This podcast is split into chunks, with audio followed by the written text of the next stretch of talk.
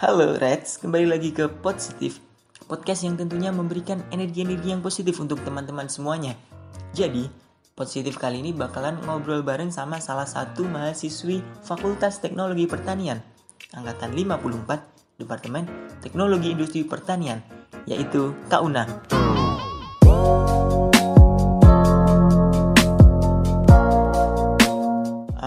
Pasti teman-teman sudah penasaran nih Kita bakalan ngobrolin tentang apaan tapi sebelum itu, untuk Kak Una bisa perkenalan terlebih dahulu.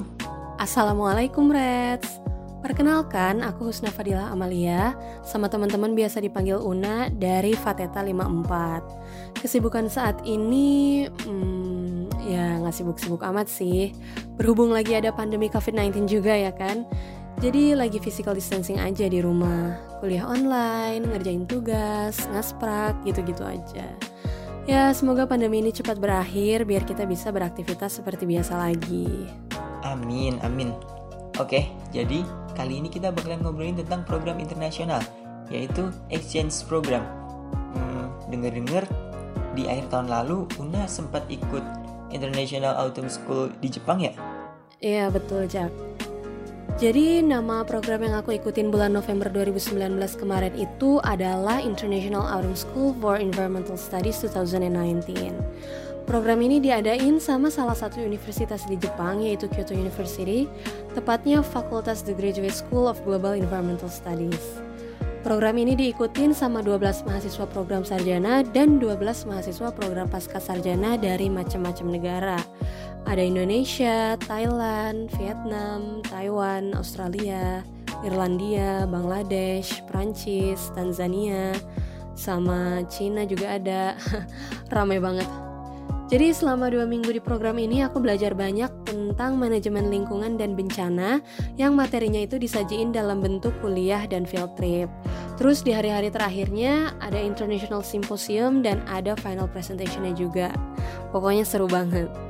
Sebenarnya apa sih alasan Una mengikuti program tersebut? Sebenarnya ada tiga alasan kenapa aku tertarik buat ikut program ini.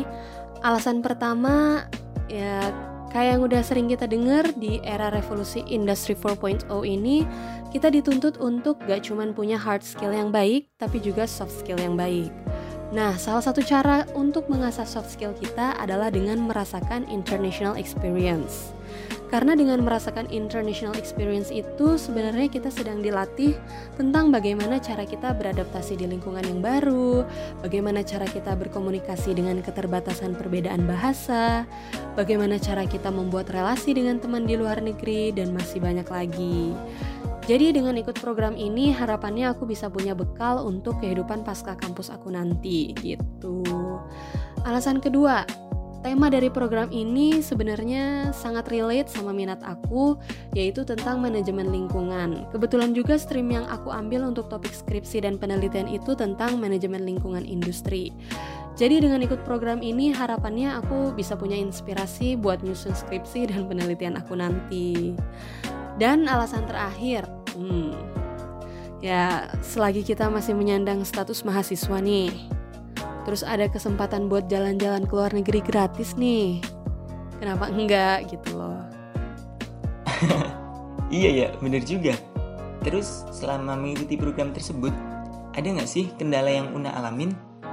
Kendala yang aku alamin hmm, nyari tempat sholat dan nyari makanan halal Jadi di negara-negara yang mayoritas penduduknya bukan beragama Islam, biasanya emang agak susah buat nyari tempat sholat dan nyari makanan halal. Bukan berarti nggak ada, ada, cuman ya nggak segampang di Indonesia. Kendalanya itu, rundown di program ini gak nyediain waktu buat break sholat. Jadi kalau mau sholat, aku harus izin dulu dari kegiatan dan nyari tempat sholat sendiri. Terus waktu itu juga pernah aku sama temen-temen dari Thailand sama Vietnam lagi jalan-jalan, terus kita mampir ke rumah makan buat makan malam. Aku nanya ke orang yang punya rumah makannya, makanannya halal atau enggak. Ternyata orangnya nggak bisa bahasa Inggris, jadi kita butuh waktu sekitar 15 menit karena harus translate Jepang Inggris Jepang Inggris, cuma buat ngonfirmasi apakah makanan di situ halal atau enggak. Ternyata makanan di situ nggak halal, jadinya aku harus pisah sama teman-teman dan nyari makan sendiri. Emang sedih sih, tapi ya alhamdulillah masih dimudahkan. Wah, gitu ternyata. Nah, pertanyaan selanjutnya mungkin menjadi pertanyaan yang umum dan sangat-sangat ingin ditanyakan oleh teman-teman Fateta yang lain, yaitu gimana sih cara buat ikutan program internasional semacam itu dan apa saja yang harus kita persiapkan? Buat ikut program ini atau program internasional pada umumnya, ada beberapa hal yang harus disiapin. Pertama itu hal-hal teknisnya. Bikin paspor, sama bikin sertifikat tes bahasa Inggris kayak TOEFL, IELTS atau yang lainnya. Aku bisa bilang, dua hal ini pasti selalu jadi requirements dari kebanyakan program internasional. Dan proses pembuatan dua hal ini secara teknis butuh seenggaknya 2-3 minggu. Jadi saran dari aku, gak usah nunggu ada pengumuman informasi programnya dulu. Yang penting kamu buat paspor dan sertifikat tes bahasa Inggris dari sekarang. Kalau paspor dan sertifikat tes bahasa Inggris sudah aman, kamu bisa mulai persiapan bikin yang lainnya. Kayak CV dalam bahasa Inggris, transkrip semester dalam bahasa Inggris, motivation letter, study plan, dan lain-lain. Jangan lupa persiapin juga untuk tahap wawancara karena hampir semua program internasional ada seleksi tahap wawancaranya. Pertanyaan-pertanyaan yang mungkin keluar di tahap wawancara itu biasanya tentang motivasi kamu ikut program itu, pengetahuan kamu tentang program itu, sama alasan kenapa harus kamu yang diterima.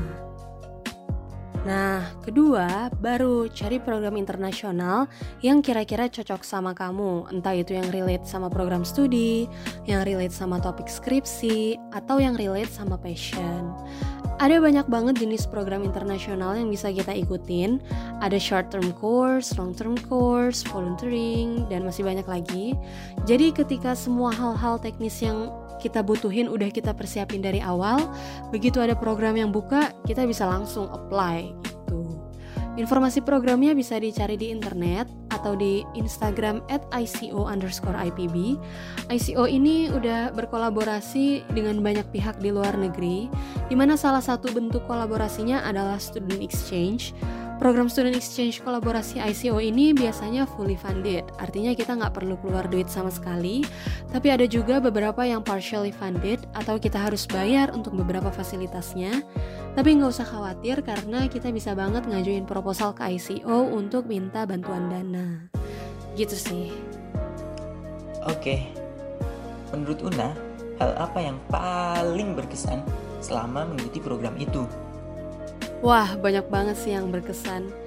Tapi yang paling berkesan itu hmm, ngelihat Jepang di musim gugur. Wah, itu keren banget sih.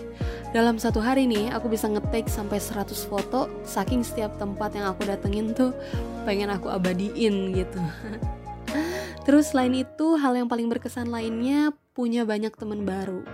Jadi selama dua minggu itu aku dan peserta yang lain tinggal di dalam satu rumah di mana kita makan bareng, tidur bareng, main bareng. Jadinya udah kayak temen lama aja gitu. Dan di hari terakhir program itu kita sampai nggak tidur 24 jam karena kita mikir kapan lagi kita bisa ketemu ayo manfaatin waktu terakhir ini bareng-bareng terus waktu mau pulang itu kita pada nangis dan sampai hari ini aku masih sering chat atau call sama mereka kita bahas tentang perkembangan COVID-19 di negara masing-masing, bahas tentang perkembangan studi masing-masing. Pokoknya banyak banget bahasannya. Itu sih yang paling berkesan. Wah, kayaknya seru banget tuh. Terakhir nih Una, sebagai penutup, um, ada nggak pesan yang pengen disampaikan buat teman-teman Fateta agar lebih semangat lagi untuk meraih prestasi? Takut buat mencoba itu hal yang biasa, tapi berani buat mencoba itu baru hal yang luar biasa. Jadi nggak usah takut buat nyoba, karena akan ada banyak hal yang bisa kamu dapetin begitu kamu menang dari rasa takut itu. Gimana kalau gagal? Wah, bagus. Karena kesuksesan emang cuma bisa dibeli dengan kegagalan. Weh. Ya, langsung aja sekarang dicek Instagram at ICO underscore IPB.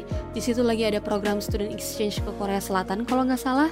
Langsung daftar, oke? Okay? Sekian dari aku, Husna Fadila Amalia. Terima kasih buat Dikpres BEM Fateta yang udah bikin program podcast keren kayak gini.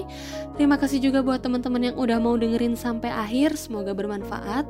Jangan lupa stay at home, semangat terus PJJ-nya, dan wassalamualaikum.